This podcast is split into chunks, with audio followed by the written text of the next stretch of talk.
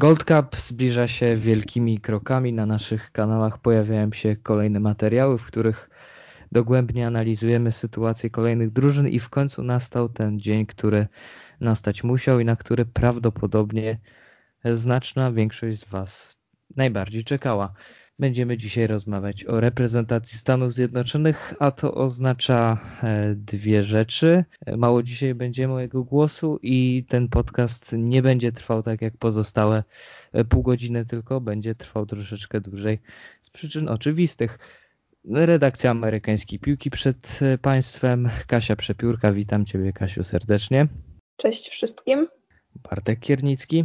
Dzień dobry oraz e, Wiktor Sobociński. Tak, będziemy dzisiaj rozmawiać o, o Stanach Zjednoczonych, czyli no, jednym z głównych faworytów, a tak już e, zupełnie e, prostując, to jednym z dwóch głównych faworytów do zwycięstwa w tym turnieju, chociaż no właśnie, Stany Zjednoczone jadą dosyć eksperymentalnym składzie, może nie tyle eksperymentalnym, co nie najsilniejszym, nie będą ruszali na ten Gold Cup pełną armią, a będzie to raczej taka armia powiedzmy krajowa.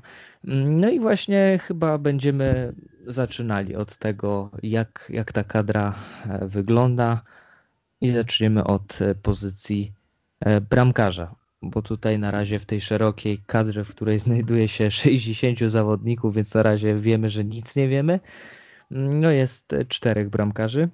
I tak, może Bartku, ty, ty zaczniesz od, od tej pozycji. Dokładnie mamy 59 nazwisk i pięciu mamy bramkarzy. Mamy Brana, e, Brada Guzana z Atlanty, Billa Hamida z United DC, Shona Johnsona z City z Nowego Jorku, Tima Melie wyzdrowiał, więc też można, może grać. No i mamy Mata Turnera z New England Revolution. I teraz pytanie, kogo byśmy chcieli, żeby pojechał? Ja bardzo bym nie chciał, żeby pojechał Guzan, bo już jest stary. Mm, no już z tej piątki to chyba... Na pewno pojedzie Matt, Matt Turner. Turner. I to jest oczywiste, bo na, no pe na pewno prawda? pojedzie Turner, nie z tego względu, że my chcemy, tylko z tego względu, że potwierdził to Bruce Arena, a to, że tego chcemy, to jest jakby druga kwestia. To, czy pojedzie Sean Johnson, to do końca e, tego mm, nie wiemy, aczkolwiek wydaje mi się on tutaj pewnym numerem mm, dwa, jeżeli chodzi o tych bramkarzy. Spodziewam się no, trzech golkiperów, więc jest kwestia, kto zajmie to mm, trzecie e, miejsce. Nie da się ukryć, e, że Gold Cup w tym roku dla Stanów Zjednoczonych jest po prostu turniejem takim na przegląd kadry. I to nie jest e, jakaś metafora, tylko autentycznie Greg Belharter będzie sobie na tym turnieju sprawdzał e, młodych zawodników, głównie piłkarzy z Major League Soccer. I jest to otwarcie powiedziane, że najważniejsze są eliminacje do Mistrzostw Świata w Katarze. Nic w tym momencie nie jest y, od tego istotniejsze i wszystkie siły są szykowane y, na to, żeby na te Mistrzostwa Świata w Katarze się po prostu najzwyczajniej w świecie zakwalifikować. Najlepsi piłkarze mają odpoczywać, po prostu zbierać siły na te pierwsze wrześniowe starcia w eliminacjach. Nie spodziewam się tutaj niesamowitej gry Jankesów, chociaż bardzo bym chciała. E, po prostu mam wrażenie, że Greg będzie sobie rotował tymi piłkarzami i sprawdzał ich w ważniejszych meczach. I nawet nie jestem w stanie powiedzieć po pierwsze, jaką jedenastkę wystawi, po drugie, czy ta jedenastka będzie w każdym meczu taka sama, ale jednego jestem pewna, że na tym turnieju gra trzeci czwarty skład. Nawet bym się skłaniała ku czwartemu, bo uwaga, uważam, że to jest bardzo ważne i musimy o tym powiedzieć. Podstawowa jedenastka Jankesów nie ma nawet jednego piłkarza, e, no który może by się załapał w szerokiej kadrze, no bo no nie ma podstawowego bramkarza. Podstawowym golkiperem jest Zach Steffen, którego no, nie ma. Powiedzmy. I no, no, no, nie ma się tutaj z czym kłócić, to jest podstawowy bramkarz. Mówi o tym oficjalnie trener, więc nie ma hmm. jakiejś dyskusji. Z drugiego składu może jest jeden piłkarz w szerokiej kadrze i wskazałabym tutaj na Reggie'ego Canona na prawej obronie i to jest tyle. Reszta to są zawodnicy z trzeciego, czwartego, nawet piątego garnituru. I to mnie bardzo cieszy, bo pięć lat temu nie mielibyśmy takiej sytuacji, że Stany miałyby aż tak szeroką kadrę i mogły wpisać sobie tylu piłkarzy do szerokiej kadry, w której nawet nie uwzględniamy dwóch podstawowych jedenastek. Więc to jest ta klasa w tym momencie tej reprezentacji. Aczkolwiek nawet z tego trzeciego garnituru, i, i to uważam, że już jest dosyć znaczące i kluczowe, że ci zawodnicy co lepsi rezygnują y, z gry na Gold Cupie i takim jednym przykładem jest Luca Della Torre, którego byłam bardzo ciekawa właśnie na, na Gold Cupie, bo spodziewałam się, że on, y, on będzie grał, a skończyło się na tym, że on powiedział sorry, trener reprezentacji Greg Belharter mówi, że chce mieć y, zawodników na wrzesień, że chce mieć zawodników, którzy regularnie grają w swoich klubach w Europie, że chce, żeby oni byli w jak najlepszej formie i on nie ma zamiaru ryzykować, że nie pojawi się na pre-seasonie swojego klubu w Eredivisie, e, że nie będzie występował od samego początku, bo dla niego, tak samo jak dla całej reprezentacji, najważniejsze są eliminacje do Mistrzostw Świata w Katarze i podejrzewam, że takich piłkarzy może być jeszcze kilku, no bo to jest bardzo, bardzo duże ryzyko, że nie pojawisz się na pre-seasonie nie pojawisz się w pierwszych meczach sezonu, a potem może wydarzyć się wszystko. To ja się zgodzę z Kasią, nawet trochę powiem szerzej. Moim zdaniem w każdym spotkaniu będzie inny, inna jedenastka. Dlaczego? Bo ja myślę, że e, traktuję ten Gold Cup jako taki dodatkowy kamp właśnie kadry, w którym po prostu potestuje sobie, ma bardzo dużo debiutantów, z których może testować i ich sprawdzać. No i to będą takie testy, że testy to nie będą gierki z jakimiś e, drugą, trzecią ligą, tylko po prostu będą grali w, w kad, z kadrą. No to no tyle, no to jest kamp dla nich. No, i... no oprócz Kanady tam raczej nie będzie w fazie grupowej jakiegoś przeciwnika, którego należałoby się obawiać, Bartku.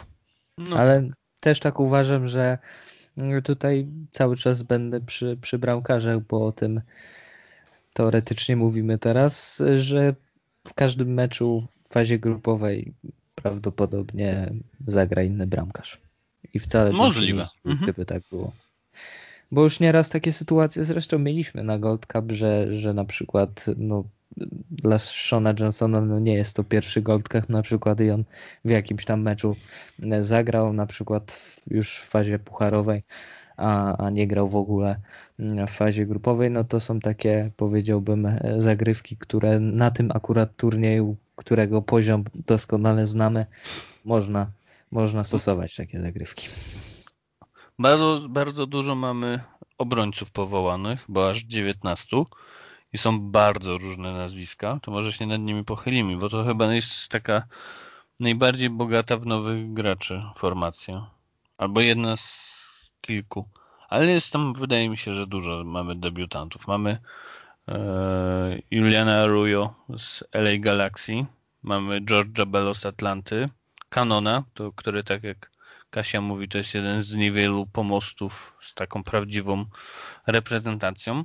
Mamy Camerona Carter y, Vickersa, którego ja jestem bardzo ciekawy. Mamy Justina Che, który nie wiem dlaczego już dostał powołanie do seniorskiej kadry. Mamy Kyla Dukana. To też jest Jak ciekawe. nie wiesz dlaczego? W sensie... No ja bym, ja, znaczy on powinien grać w kadrach olimpijskich, a, a nie już w tym w dorosłej kadrze. Tak jest moje zdanie. Moim zdaniem to jest rzucenie okay. go z, zbyt wysoką wodę. A ja uważam, że nie. Gość gra w Bayernie. E, Bayern no, go czy on chce. gra w Bayernie? No ale słuchaj, no pojechał na kamp styczniowy, gdzie było siedmiu piłkarzy FC Dallas i to jego chcieli, bo grał najlepiej. I on hmm. wszedł sobie i od razu grał w rezerwach. A to nie jest tak łatwo on, od on razu też. On też, to też jest to, że on y, ma chyba pochodzenie. Więc to też no łatwiej. tak, on teraz wrócił łatwiej do MLS-u. łatwiej się go tam y, zaklepać. Sezonu, do końca sezonu będzie grał w Major League Soccer, zadebiutował już w MLS-ie e, w FC Dallas e, oczywiście, mhm. bo, bo, no bo to jest taka oczywistość i uważam, że jeżeli powołujesz młodych zawodników, e, to dlaczego masz powoływać jakiegoś mm, środkowego obrońcę, który nie będzie jakby stanowił o sile tej reprezentacji w najbliższych latach. No to jakby powołujesz dzieciaka, który ma być na kampie i albo on się znajdzie w tej wąskiej kadrze 23-osobowej, albo się nie mhm. znajdzie, ale dobrze, że trener daje mu taki sygnał, że obserwujecie i chce, żebyś się rozwijał, więc ja tutaj nie jestem okay. na, na takiej kontrze, że on ma grać w kadrze olimpijskiej, w sensie no bo na przykład Dlaczego? powołanie Duncana, Kyla z New York Red Bulls się bardzo cieszę. Bo on no, jest bardzo dobrym e, obrońcą jak na warunki MLS. Mamy Chase'a Gaspera, który nie mam pojęcia co robi na tej liście. Mm, mamy Jonathana Gomeza. E, to jest chyba jedyne powołanie z USL. To jest chłopak, który jest w ogóle wychowankiem meksykańskich kadr młodzieżowych i go podjumaliśmy im. Bardzo się cieszę, Świet, świetny piłkarz. Znaczy on dopiero zaczyna grę, ale ma papiery na bardzo dobrego mm, obrońcę. Mamy Arona Herrera, mamy Henry'ego Kesslera, to jest chyba jeden z trzech piłkarzy z draftu z tamtego roku, którzy są powołani. Mamy Shakamura, którego kompletnie nie mam pojęcia, kto to jest. Wiem tylko, że no, to jest taki piłkarz, tak, to jest piłkarz, który był rozpatrywany w młodzieżowych kadrach reprezentacji Stanów Zjednoczonych i właśnie gra w, niższej, w niższych ligach w Hiszpanii. Ale bocznych. miał też swój debiut w najwyższej klasie rozrywkowej. Na pewno tam kilka meczów ma za sobą w wyższej lidze. No okay. i to jest boczny gość na bok obrony, więc tutaj też nie spodziewam się jakichś cudów, bo z tego co gra na prawym boku obrony, więc sorry, ale to jest pozycja tak niezwykle mocno obsadzona, że no, no nie, no nie ma szans za bardzo na to, żeby się przebijać mm. do tego podstawowego składu, no bo my tutaj mówimy o sile Serginio Dest, Reggie Cannon, mm -hmm. Ryan Reynolds, Julian Arachujo, którego chce Tottenham i, i kluby w Europie, więc nie, no po prostu on tutaj jest kolejnym do gry. Bardzo Fajnie, mi się podoba mówienie Tottenham, kluby w Europie. Bardzo ładna szpileczka na Brexit, szanuję. Yy, bardzo się cieszę z powołania Erika Palmera Brauna. Miał bardzo dobry sezon w Austrii. On chyba miał z pięć, może nawet nie, może z dwa albo trzy mecze dla seniorskiej kadry. Fajnie, bardzo dobry miał sezon. Niech to będzie nagroda. Yy, no, no mamy myślę, dwóch... że z tych graczy, których tutaj rozmawialiśmy, no to takie pewni swoich powołań powinni być Miles Robinson z Atlanty United, Sam Vines z Colorado, z Colorado? Lewy, lewy, obrońca, bo tam mamy niesamowite braki na tej pozycji i uważam, że to w ogóle Nie, będzie no to, to, to który będzie przesunięty który, do podstawowego składu będzie, w ogóle. Będzie długo. Walker Zimmerman z Nashville SC to ich chyba nikogo nie dziwi, bo, bo gość jest po prostu ostoją e, tego klubu, tak samo jak wcześniej był ostoją LAFC. Każdego klubu, w którym gra, dokładnie. Tak, tak, on jest wart po prostu wykładanych za niego pieniędzy i gra bardzo dobrze, więc tutaj no to jest jakby oczywistość. I to, co powiedziałeś, bardzo mnie cieszy powołanie dla Cartera Vickersa, bo on grał na wypożyczeniu w Bormów, radził sobie tam naprawdę nieźle, e, a potrzeba głębi składu na tej pozycji, bo ta pozycja jest bardzo newralgiczna w reprezentacji Stanów Zjednoczonych. O ile na przykład praktycznie w ogóle nie martwię się o środek pola, mam ogromne tu obawy ja mam już pytanie z... odnośnie środek pola. To przejdziemy pewnie do tej pozycji za chwilę i, i na pewno będziemy o tym jakoś szerzej rozmawiać, ale jak już jesteśmy przy tej obronie, no to lewa obrona to jest największa, absolutnie największa bolączka reprezentacji Stanów Zjednoczonych. Nie może być tak, że w ważnych meczach występuje tam Serginio Dest tylko i wyłącznie z tego powodu, że jako prawy obrońca no, radzi sobie też na lewej stronie i nie ma lepszego od niego. W sensie no Anton to... Robinson grał w Premier League, zbierał dobre recenzje w Premier League. Y, były nawet momenty, gdzie Pep Guardiola go chwalił. I on nie może się przestawić na grę na lewej obronie w reprezentacji. W sensie nie wychodzi mu to. I mecze towarzyskie, mm, ostatni mecz towarzyski z reprezentacją z Europy, mm, Szwajcaria, przegrany, trochę pechowo, bo, bo tam Stany miały swoje okazje, ale to chyba nie jest temat na, na dzisiaj.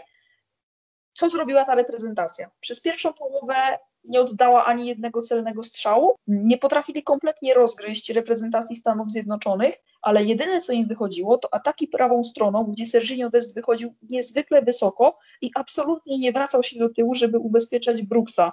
który jest najważniejszym punktem w obronie Stanów Zjednoczonych. Gość, który gra w Wolfsburgu, prezentował się na bardzo, bardzo wysokim poziomie. No nie był w stanie załatać tych wszystkich błędów swojego młodszego kolegi, więc y, rozwiązanie i protip dla wszystkich reprezentacji grających przeciwko USA grajcie prawą stroną, grajcie na Desta, on jest słaby w obronie. On jest i, i tutaj nie chcę, żeby ktoś mi to wyciągnął z kontekstu, więc dosyć szybko to naprostuję. Wiem, że się rozgaduję i zaraz wam oddam głos, ale muszę dokończyć tę kwestię. Mianowicie Serginio Dest jest słaby w obronie, ale na lewej stronie. Na prawej flance widać absolutnie wszystkie jego atuty, zarówno w ataku, jak i w obronie. Ten chłopak naprawdę poczynił olbrzymi postęp, szczególnie w rozumieniu gry i taktyki w obronie, odkąd się przeniósł do Barcelony. No z tych względów, że nie ma tego lewego, bardzo dobrego defensora, no to gra na tej lewej stronie, co jest, no, to jest duży ból dla, dla Stanów.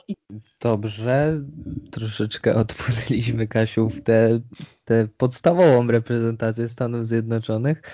Jesteśmy cały czas przy tej rezerwowej, kogo tak e, na pierwszy rzut oka byście od razu odstrzelili, kto raczej na pewno nie zagra na, na Gold Cup? Shaq Moore, Shaq Moore i Chase Gasper. To na pewno. Jonathan, Jonathan Gomez. Chociaż po co było, było wtedy powołać do szerokiej kadry, to to też inna no, po sprawa. to, żeby chyba te nazwiska były, wiecie, tak mi się wydaje, że po prostu, żeby dać sygnał y, tym piłkarzom, że słuchajcie, mamy was na oku, wiemy, co się mhm. dzieje. Pójdę z drugiej strony, y, że z tych graczy, którzy tam się znaleźli, no to, to co powiedziałam, Miles Robinson, Sam Vines, Walker Zimmerman, Carter Vickers, Eric Palmer Brown, y, Bello, Justin Che wydaje mi się, że może się znaleźć w tej kadrze 23-osobowej. Bardzo bym chciała, aczkolwiek ja Sansa rozpatruję jednak jako defensywnego pomocnika. Tak, i, i zastanawiam się, jak to będzie wyglądało. Jakby dla mnie ten gość musi się znaleźć w kadrze. W sensie trzeba go w końcu przetestować, on musi być i y, ja go widzę bardziej jako pomocnika, co nie zmienia faktu, że trenerzy go ostatnio widzą jako środkowego obrońcę, więc może to jest słuszna no, chyba radzi. Tak, na obu pozycjach sobie radzi. To jest, to jest jakby. To jest też dużo zaleta. też nie to, że, że jego problemy trochę zdrowotne, no to to jest gość, który już no, no, ma takie papiery na Europę, że to jest nieprawdopodobne. On powinien już tam, tam dawno być. To jest trochę smutek. Takie zama dopiero 20 lat. James Sands e, właśnie teraz płynnie przejdziemy do defensywnych pomocników, no i też do pomocników wszystkich, których mamy, a też ich mamy e, troszeczkę. No to ja mam od razu pytanie do Kasi. Jakie jest życie bez Tylera Adamsa w kadrze? Problem jest taki, że w sumie Tyler Adams to ostatnio nie grał w reprezentacji tej podstawowej, więc to życie jest i, i na pewno trzeba no, będzie Kelly na korzystać. Nie, nie, ja w ogóle nie Powiedziałam, że z podstawowego składu reprezentacji, reprezentacji USA i z rezerwowego nie ma żadnego piłkarza poza Regim Canonem. Powiedziałam to dlatego, że dla mnie Kellen Acosta i Sebastian Leggett to sorry, ale nie są gracze podstawowego składu. Absolutnie. Tak? Dla mnie oni... jest, Leggett jest, yy, powinien być zawsze w 18 meczowej. Czy podejrzewam, że Leggett zawsze będzie w 18 meczowej, bo chociażby przez to, jak on na że statystyki potrafi, w kadrze. strzelać. Tak, po prostu ma statystyki w kadrze, tylko że jakby te statystyki są przeciwko reprezentacjom, które są no, średnie, tak bym powiedziała. E, aczkolwiek e, dla mnie e, życie, wracając do pytania, bo oczywiście jak zawsze się rozgadam, a, a reprezentacja Stanów Zjednoczonych to jest dla mnie mm, coś, czym, czym żyję od bardzo, bardzo długiego czasu. Dla mnie rozwiązanie jest jedno. Jackson Yale, San Jose Earthquakes kapitalnie zaprezentował się na w eliminacjach e, olimpijskich. I to, jakim on tam był szefem, kapitanem z prawdziwego zdarzenia, to dla mnie może być takie przełożenie jeden do jednego zachowań Westona McKeniego z podstawowej reprezentacji. To jest taki facet, który e, jest młody, wie, że część z jego kolegów ma większe doświadczenie, ale jak trzeba dać impuls drużynie, on I w, kadrze, I w kadrze, i w MLS-ie tak gra to jest gość, który o dziwo, i to może być dosyć duże zaskoczenie, powiedział w jednym z wywiadów, że on na ten moment nie czuje takiego przymusu, że chce się przenosić do Europy. No nie z Minnesoty. To, to jest stan, inny stan mentalności. Może tak, a z drugiej strony po części Ja to mówię, nie mówię jako obraza, no po prostu tacy No, są. rozwinął go, rozwinął go Matias Almeida w San Jose, zrobił z niego gościa, który jest po prostu szefem w środku pola, więc jeżeli ktoś ma być y, tym zastępcą Tylera Adamsa, który on nie grał w tych meczach, ale jego zmiennikiem dla mnie w żadnym wypadku nie może być Kelena Costa. To, jakie on błędy popełnia w ważnych meczach, to, jaki on jest elektryczny, nie chcę się denerwować, ale Jackson Yale to jest, to jest odpowiedź na tego piłkarza. A gdzie w tym wszystkim miejsce dla Christiana Roldana? Czy on nie powinien w tym środku Dla mnie pola to nie jest być? gracz na, na, trzecią, na trzecią jedenastkę reprezentacji Stanów Zjednoczonych, może na czwartą. Jakby zauważam u niego spory spadek formy i Mhm. wiem, że on na przykład dwa lata temu byłby dosyć ważnym ogniwem, tak teraz patrzę na rozwój, rozwój innych piłkarzy i widzę zupełnie inne opcje. W końcu pojawia się jakaś klasyczna dziesiątka, której nie było, box to box, który jest dla mnie no, lepszy od Christiana Roldana. I mam tutaj na myśli takiego piłkarza jak Gianluca Busio albo Clayden Clark. I chciało właśnie o nim porozmawiać przez chwilę, o Gianluce Buzio, czy to już jest e, ten moment, w którym on powinien skoczyć na przykład na takim turnieju do tej podstawowej jedenastki i w niej po prostu e, zostać na dłużej, a przynajmniej do tych eliminacji do eliminacji e, do Mistrzostw Świata w Katarze, bo oczywiście tam no nie będzie grał, natomiast czy to jest taki turniej, w którym ten 19-latek już e, powinien e, zostać gdzieś tam wzięty na, na stronę przez przez trenera, trenera Berhartera i, powie- i po prostu wejść na boisko i, i grać przez, przez cały turniej. Musi zadebiutować. Nie widzę innej opcji. Moim Przy tym, zdaniem jakie tak. robią podchody pod niego Włosi, to nawet nie ma innej opcji. Moją chyba wymarzoną trójką w pomocy byłby właśnie Jackson Yale, Gianluca Busio jako taki, bo, jako taki box to box i Caden Clark jako dziesiątka. Może odważnie, może zbyt młody skład, ale A co z to Paxtonem, obchodzi. Co mnie to obchodzi, skoro gramy trzecim albo czwartym składem. Paxton, To można eks eksperymentować, to prawda. e, czy chodzi, chodzi, mówimy o, o pomykalu, Tak, tak, tak, tak. Pomykal y, po tych Mistrzostwach Świata U20 w Polsce w 2019 roku.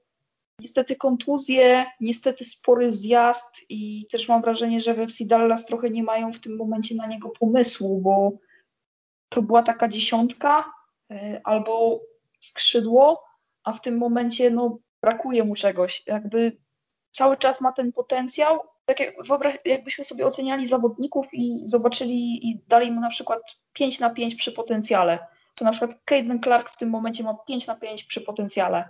Y, Mówię tylko o zawodnikach MLS-u, już nie, nie bierzmy Mhm. tam skali światowej, tak? No to Umykal przed tym turniejem y, urazami miał właśnie 5 na 5, a w tym momencie ma 3,5, w porywach 4 i to no, z Trzy. taką dużą rezerwą. Tak realnie, tylko to, co się działo w ostatnich tych, to jest powiedzmy, to jest 2,5, 3. Biorąc pod uwagę całą jego karierę i to, że widzieliśmy go w innych y, sytuacjach i widzieliśmy go w turnieju, bo on tam był naprawdę bardzo ważną postacią reprezentacji Stanów, tej młodzieżówki, no to, to można mu gdzieś tam dawać taką, takie 3,5 E, Dobrze, no rozumiem, że tutaj już nawet nie będziemy się bawić w jakieś odrzucanie pewnych zawodników, chociaż widzę No jeszcze tutaj... jest jeden zawodnik, który, znaczy Mhm. odrzucanie, no Luca de la Torre sam się odrzucił. Akurat jego byłam bardzo ciekawa, Mhm. bo, bo on w tym Herakles, Heraklesie grał całkiem nieźle i naprawdę byłam ciekawa, jak sobie poradzi. Myślę, że też gdyby nie kontuzja i, i niezerwany ACL, to Richie Ledesma też byłby bardzo ciekawą opcją. A z tych graczy z MLS-u, to mam wrażenie, że ym, takim graczem, który jest trochę niedoceniany albo trochę w cieniu i zbyt wiele się o nim nie mówi, to może być właśnie Eric Williamson z Portland Timbers. Nie wiem, co ty o tym sądzisz, Bartku. Hmm. No, ja jestem fa- fanem strasznym Eryka. Moim zdaniem niesamowicie się rozwinął. Ale czy to jest materiał tak, żeby wejść i grać do kadry? Hmm. Ciężkie pytanie. No, Trudno, Mate- znaczy wydaje mi się, że on może materiał zagrać na gracza jest. meczu, no nie? a to, Takim- że zagra, to na pewno. Moim no, to zdaniem bardziej, bardziej o tym mówię. Aha, no to tak, moim zdaniem ostoi się.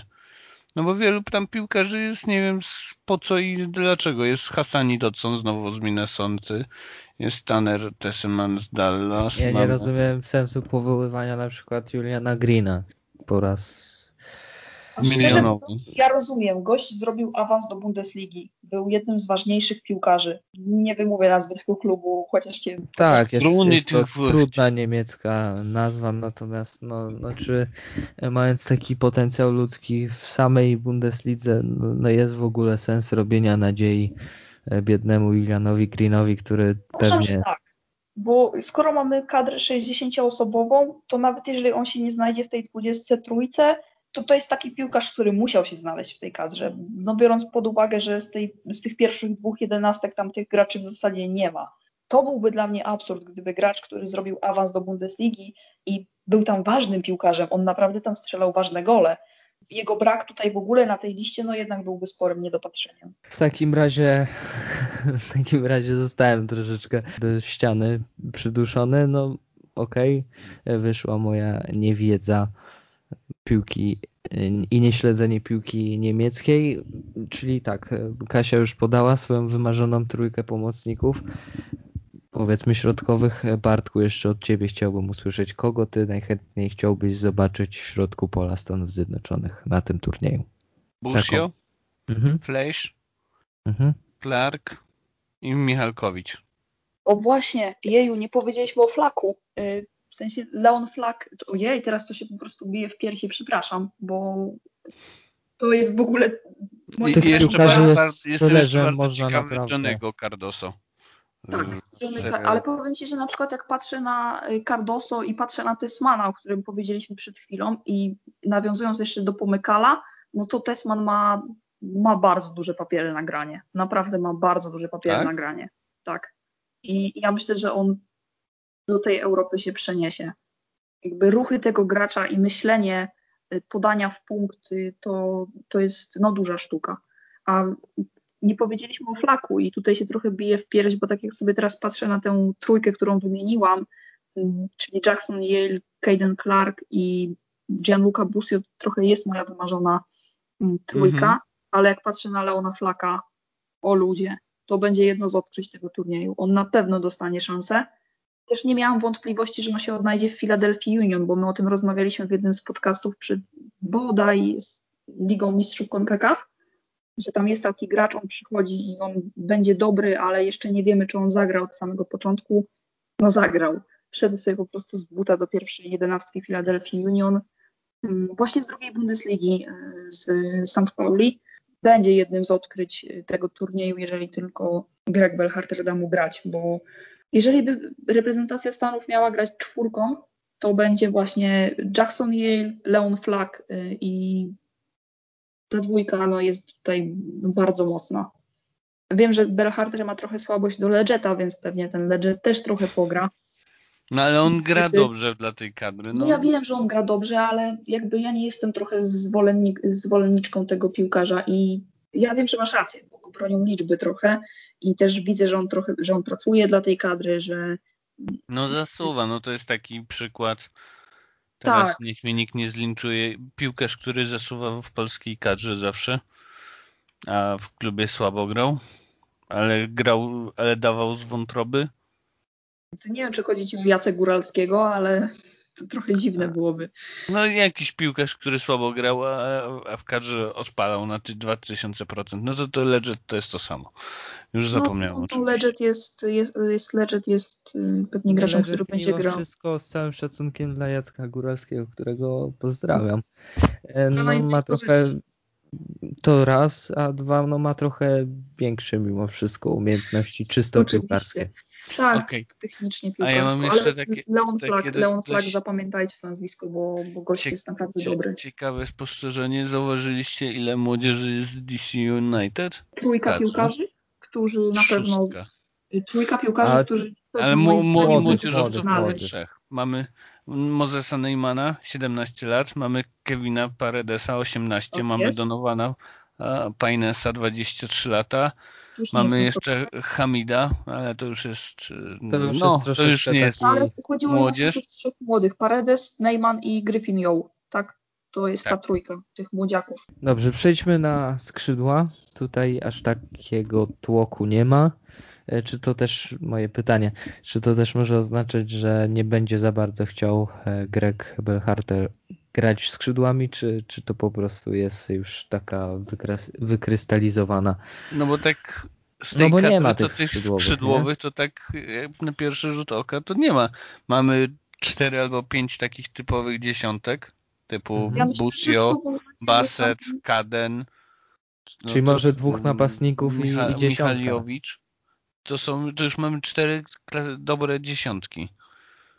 No Busio dla mnie trochę nie jest dziesiątką. Busio jest dla mnie ósemką, ósemką? może. Tak, tak mi się wydaje. Dlatego tak, dla mnie to dlatego... jest dziesiątka. Znaczy on ma myślenie dziesiątki, ale on trochę nie gra na dziesiątce, tak no momentami, bo, bo a momentami gra trener Sportingu Kansas nie daje grać na dziesiątce i go hamuje ten wstrętny hamulcowy, więc... Nie no, gdyby nie Peter Vermis, to Gianluca no, nie byłoby no tak, oczywiście. miejscu, w którym jest, chociaż trochę się śmiejemy, ale dla mnie to jest taki gracz, który... Byłby już w Europie.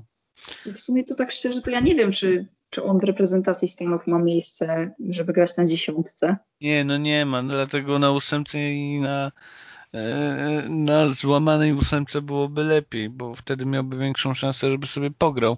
I on też ma predyspozycję do tego, nie oszukujmy się, a to, że zejdzie do środka raz, drugi, trzeci, to też jesteśmy pewni i będzie mógł posłać to, to podanie, ale oczywiście wróciliśmy znowu do, do linii pomocy. No, no niestety, przepraszamy, ale skrzydłowych. Jesteśmy, właśnie jesteśmy tak, że się potrafimy rozgadywać.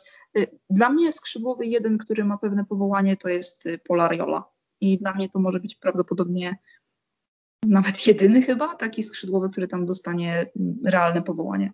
No bo tak jak Czyli patrzę, prawa to... strona. A Donatan Lewis? Skrzydło. O, no on też może zostać powołany. To jest po drugiej stronie, no bo, no bo podsumujmy napastników. Josie, jestem zawsze połamany, Altidor i niech wreszcie wykupią mój kontrakt. Mamy Frankiego Amaya, który jest też dziesiątką, a nie napastnikiem. O dziwo, no. Frankie, Frankie gra trochę też jako ósemka. W... No, tak, ósemka. No, nawet nie dziesiątka, masz rację, ósemka. Mm, mamy Korea Beida z Los Angeles FC. No, nie wiem, co on tam robi. Keida Coela, który ma fantastyczne wejście smoka do profesjonalnej piłki w San Jose. Znaczy oczywiście on tam już jakieś ogody grał w poprzednich sezonach, no ale to, to wejście Smoka jest w tym sezonie. Mamy Daryla, wreszcie yy, prawdziwi Dajka. amerykańscy atleci grają w piłkę nożną mhm. Dajka. Yy, mamy Jeremiego Ebobise, którego też nie mam pojęcia za co, no chyba za, za to, co, że wcześniej dobrze grał, bo ten sezon ma słaby. Mamy Jesusa Ferreira z Dallas, to samo. Mamy Nicolasa Gioniacini z I szczerze właśnie mam wrażenie, że on może się znaleźć w tej kadrze, bo on już dostawał szansę w reprezentacji i w tych A meczach towarzyskich. Kojarzysz on, go może? Bo ja on gra w League, kojarzę League imię, nazwisko, ale... On gra w League 2, on gra w League 2 i widziałam jego ze dwa albo trzy mecze, czyli niezbyt dużo, poza, poza tymi reprezentacyjnymi mhm. oczywiście i widziałem tam jego gole. Ale jeszcze dwa gole w reprezentacji. to jest, tak, ale właśnie o tym, o, do tego chcę wrócić, do tych zgrupowań e, tuż e, po covid e, gdzie, gdzie właśnie on znalazł swoje miejsce i początkowo też tego nie rozumiałam, ale jak zobaczyłam, jak on gra i jak on fajnie się wkomponowuje w tę kadrę, to, to, to ja myślę, że on się znajdzie w tej kadrze. Oczywiście gwiazdą jest tutaj Daryl Dike bądź Dyke, zależy jak kto go wymawia, ale tak ostatnio usłyszałam, że jednak ci trenerzy, którzy go prowadzili za dzieciaka mówią Daryl Dike, więc niech będzie. Ja myślę, że to, to, jest, to jest największa gwiazda i to jest gość, który na tym turnieju ma tylko podbić swoją wartość, e, zanim odejdzie z MLS-u. Był wypożyczony do Barnsley i gdyby nie on, to Barnsley nie awansowałoby do playoffów o awans do, do Premier League. Strzelił 9 goli i naprawdę no, no był totalnym dzikiem. On po prostu sobie wszedł do tej ligi i mówi, dla mnie to nie jest problem E, jakby chyba najlepiej obrazuje go to, że gość, który przyszedł z MLS-u, był za bardzo fizyczny dla obrońców w Championship. Jak to brzmi, ale jest to prawda, tak to momentami wyglądało. I myślę, że Matthew Hoppy też dostanie swoją szansę. Tak? Znaczy, no to jest gość, który nie oszukujmy się, nie spodziewałam się, że w ogóle po pierwsze... Kiedykolwiek cokolwiek pokaże w swoim życiu. Aż tak to nie. Spodziewałam się, że on zadebiutuje prędzej czy później w tej Bundeslidze albo w drugiej Bundeslidze, że będzie coś tam grał, no ale na pewno nie spodziewałam się tego, że będzie pierwszym Amerykaninem, który strzeli hat w Bundeslidze. No, no nie. Po no tak. Nie.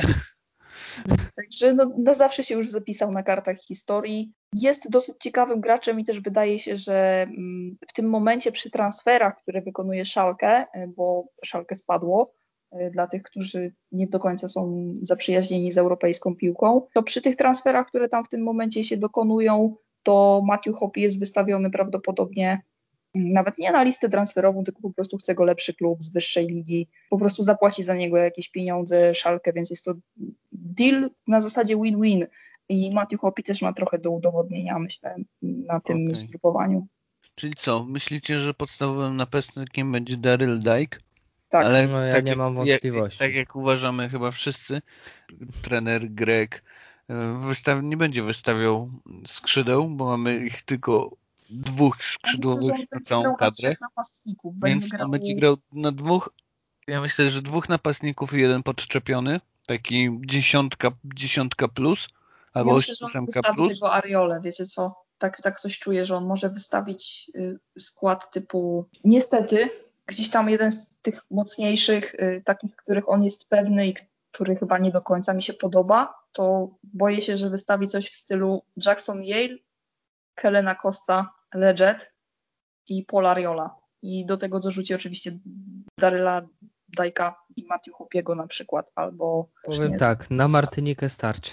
Tak Okej, okay, właśnie Wiktor pięknie przeszedł do zamknięcia naszych opowieści o kadrze, bo już omówiliśmy 60 piłkarzy, to może porozmawiajmy o szansach na wyjście z grupy i o tym, na kogo zapewne trafią i dlaczego powinni się starać wyjść z pierwszego miejsca z grupy. To Kasiu, co powiesz na ten temat? Jestem wręcz przekonana, że Greg będzie rotował, testował, sprawdzał zawodników, ale jednocześnie będzie chciał osiągnąć wynik i mało tego, nawet ci piłkarze z trzeciego, czwartego składu mają potencjał, żeby ten wynik osiągnąć. Oczywiście Kanada będzie najtrudniejszym przeciwnikiem i nie mam żadnych wątpliwości, że to będą olbrzymie problemy. Przy tym, jak, jak ta rotacja może wyglądać i kto tam może grać, to niestety obawiam się, że, że remis po prostu dla Stanów będzie dobrym wynikiem, jakkolwiek to brzmi. Dla słuchaczy, którzy jeszcze może nie posłuchali Kanady. Dlaczego? Bo będziecie wiedzieć o co chodzi, bo Kanada jedzie w prawie najmocniejszym składzie. Tam może dwóch piłkarzy podstawowej nie jedenastki nie jedzie, więc oni jadą ogranym, mocnym składem, no a Amerykanie jadą, pomieszamy sobie i zobaczymy, co z tego wyjdzie, nie? Więc yy, moim zdaniem Kanada ma dużą szansę wyjść z pierwszego miejsca. A dlaczego ja ciągle mówię o tym pierwszym i drugim miejscu? No bo jeśli Amerykanie wyjdą z pierwszego miejsca, no to z Meksykiem spotkają się dopiero w finale. A jak wyjdą z drugiego miejsca, no to spotkają się z Meksykiem w półfinale, a to jest dość istotne dla rozkładania sił. No bo nie oszukujmy się, jest Meksyk, długo, długo nic, Ameryka i Kanada, a później dalej znowu długo, długo nic, więc jeśli mieliby no, na przykład nie spotkać przesadzaj, się... nie przesadzaj, spotkać się... Jamajka ja nie jest aż tak długo, długo nic. Ja to trochę mówię specjalnie, czekałam, czekałam żeby cię podpuścić z tą Jamajką. Jeszcze oczywiście Robert by tutaj wjechał na koniu z, z Kostaryką, e, jakby tutaj był. Pozdrawiamy Roberta. E, więc tutaj wygląda sytuacja tak, że moim zdaniem to będzie kluczowe, czy będzie sukces, czy nie. Czy po prostu Meksykanie i Amerykanie się spotkają w półfinale. Bo moim zdaniem może być tak, że jakby Amerykanie awansowali z pierwszego miejsca i ten półfinał mieli łatwiejszy z jakąś tam Jamajką, dobra, przesadzam, z jakąś tam Jamajką bądź Kostaryką, no to mogliby... To tak słaby bajt, że Wiktor wiem, nie wiem, wiem. wiem, wiem, yy, mogliby wyjść y, drugim składem i troszkę odpocząć Meksyk, na, przed Meksykiem, a Meksyk by się męczył z Kanadą w półfinale. Więc no, tu jest moim zdaniem mała szansa na ugranie dobrego wyniku jeśli Kanadyjczycy się postawią, a w ogóle jeśli by Kanadyjczycy wygrali z Meksykiem, co uważam jest mała szansa, malutka, bo malutka, ale jest. No zobaczymy. W ogóle ten turniej będzie specyficzny. Greg Belharter ma pięć meczów zagwarantowanych, żeby przetestować sobie tych piłkarzy, no bo zakładam trzy mecze w grupie, ćwierćfinał i, i półfinał. To jest pięć meczów, które powinien mieć zagwarantowanych na przetestowanie sobie jakiegoś czwartego garnituru, trzeciego, czwartego garnituru. No i dobrze wiedzieć y, też, że ci zawodnicy y, po prostu, żeby zdawali sobie sprawę z tego, że y, są na bieżąco monitorowani i każdy wyskok albo skok formy, no to jakby zostanie dostrzeżony i, i mogą dostać szansę w pierwszej reprezentacji. Jest tam kilku takich graczy, którzy z pewnością prędzej czy później mm, będą grali no, w tej najlepszej albo, albo będą zawodnikami wchodzącymi z ławki w tej absolutnie najlepszej kadrze. I to jest myślę idealne podsumowanie tego, z czym się będzie mierzyła reprezentacja Stanów Zjednoczonych. Tak myślę, przestrzegliśmy wszystkich, żeby się nie nastawiać teraz e, w tym turnieju akurat i nie oczekiwać od Amerykanów nie wiadomo czego, ponieważ raczej tego nie otrzymamy, chociaż może być może my tutaj w trójkę się pozytywnie e, zaskoczymy i być może ten trzeci, czwarty skład będzie w stanie tutaj zdziałać cuda. Chłopaki są bardzo zmotywowane, no bo jednak to jest złote pokolenie amerykańskiej tak. piłki, Ale a większość słuchajcie... tych chłopaków jest bardzo młoda, więc oni nie grają o grę w Gold Cup, oni grają o to, żeby być powoływani na Mistrzostwa Świata, oni grają o to, żeby pojechać do e, Kataru, oni grają po to, żeby za 4 lata grać u siebie, więc to, to nie jest takie, o, zagrajmy sobie spoko towarzyskie mecze. To, towarzyskie mecze są traktowane przez trenera i jego sztab a ci wszyscy piłkarze, mam taką nadzieję i większość których, tych piłkarzy, którzy tam będą grali, kojarzy z tego, że gryzą trawę i ja myślę, że oni nie będą odstawiać nóg. Więc, nie, nie, nie.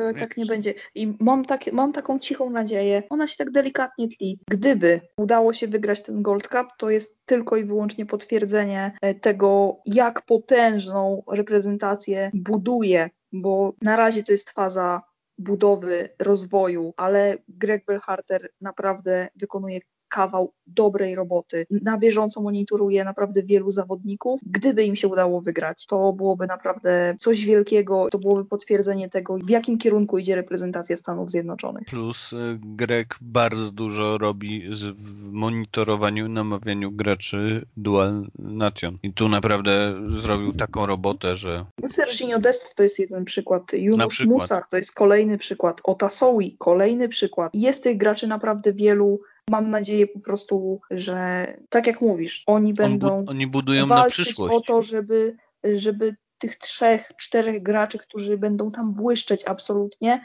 żeby oni się po prostu łapali na zgrupowania tej pierwszej, podstawowej reprezentacji, no bo chyba to powiedzieliśmy dobitnie podczas tych kilkudziesięciu minut rozmowy, że prawda jest taka, że ci najlepsi rozpoczynają pre-season ze swoimi drużynami w Europie, odpoczywają po trudach. W przeciwieństwie do, do, do reprezentacji Meksyku. Nie jedzie tutaj kadrą. Oczywiście są osłabieni przez y, Olimpiadę, ale oni jadą najmocniejszym składem. jest najmocniejszy skład i o tym właśnie między innymi Michał Matlak, więc też zapraszam na naszą stronę i do podcastu pierwszego z tego cyklu, który był właśnie poświęcony największym rywalom reprezentacji Stanów Zjednoczonych. Jeszcze jedno pytanie mi się nasuwa. Jak bardzo kluby europejskie w tym roku skautują Gold Cup? Bo oni chyba wszyscy się już zorientowali, że CONCACAF to jest kopalnia talentów. Hello, prezentacja USA, hello, reprezentacja Kanady. Powiedzmy, że też reprezentacja Meksyku, ale to nie chodzi o umiejętności, bo oni chyba są najbardziej, mają największą, są największą kopalnią talentów, tylko adaptacja tych piłkarzy tak do tak, Europy. I tu odsyłam do wcześniejszego podcastu, także z udziałem Michała Matlaka, bardzo dużo o tym powiedzieliśmy, to to odsyłam.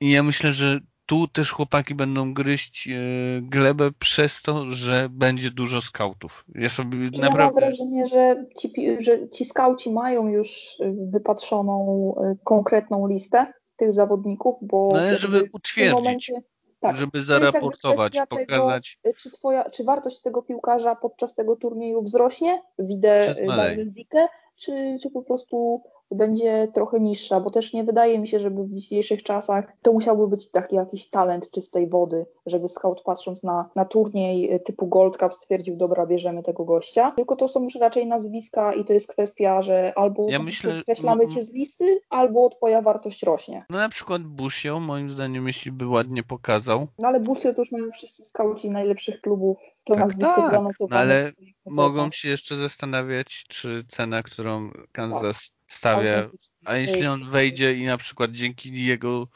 golowi wygramy z Meksykiem Gold Cup, wygramy. No, jesteśmy kibicami USA, więc no, powiedzmy, że wygramy, to, to myślę, że okej, to, to ma naprawdę sens i pani i, i smutny pan od Excela da pieczątkę e, mail zwrotny z aprobatą można wydawać e, hajs i go ściągną. No też pamiętać trzeba, że Bushio ma europejski paszport, więc to jest dużo. To jest już w ogóle jest bardzo dużo ułatwień. Dobrze. To co? Mamy jeszcze Tak, nie Bartku, myślę, że wszystko. wszystko wyczerpaliście i jak się tylko jak się tylko dało, dało. Dziękuję bardzo serdecznie za te właśnie kilkadziesiąt minut. Kasia Przepiórka, Dziękuję i przepraszam, że się rozgadałam, ale chyba inaczej o Stanach nie potrafię. nic się oczywiście nie stało. Myślę, że wszyscy są ukontentowani. Ci oczywiście, którzy wytrwali z nami do końca, a mamy nadzieję, że, że wszyscy nasi słuchacze. Bartek Kiernicki również, Dziękuję. również był dzisiaj z nami i e, Wiktor Sobociński. Dziękuję wszystkim bardzo serdecznie.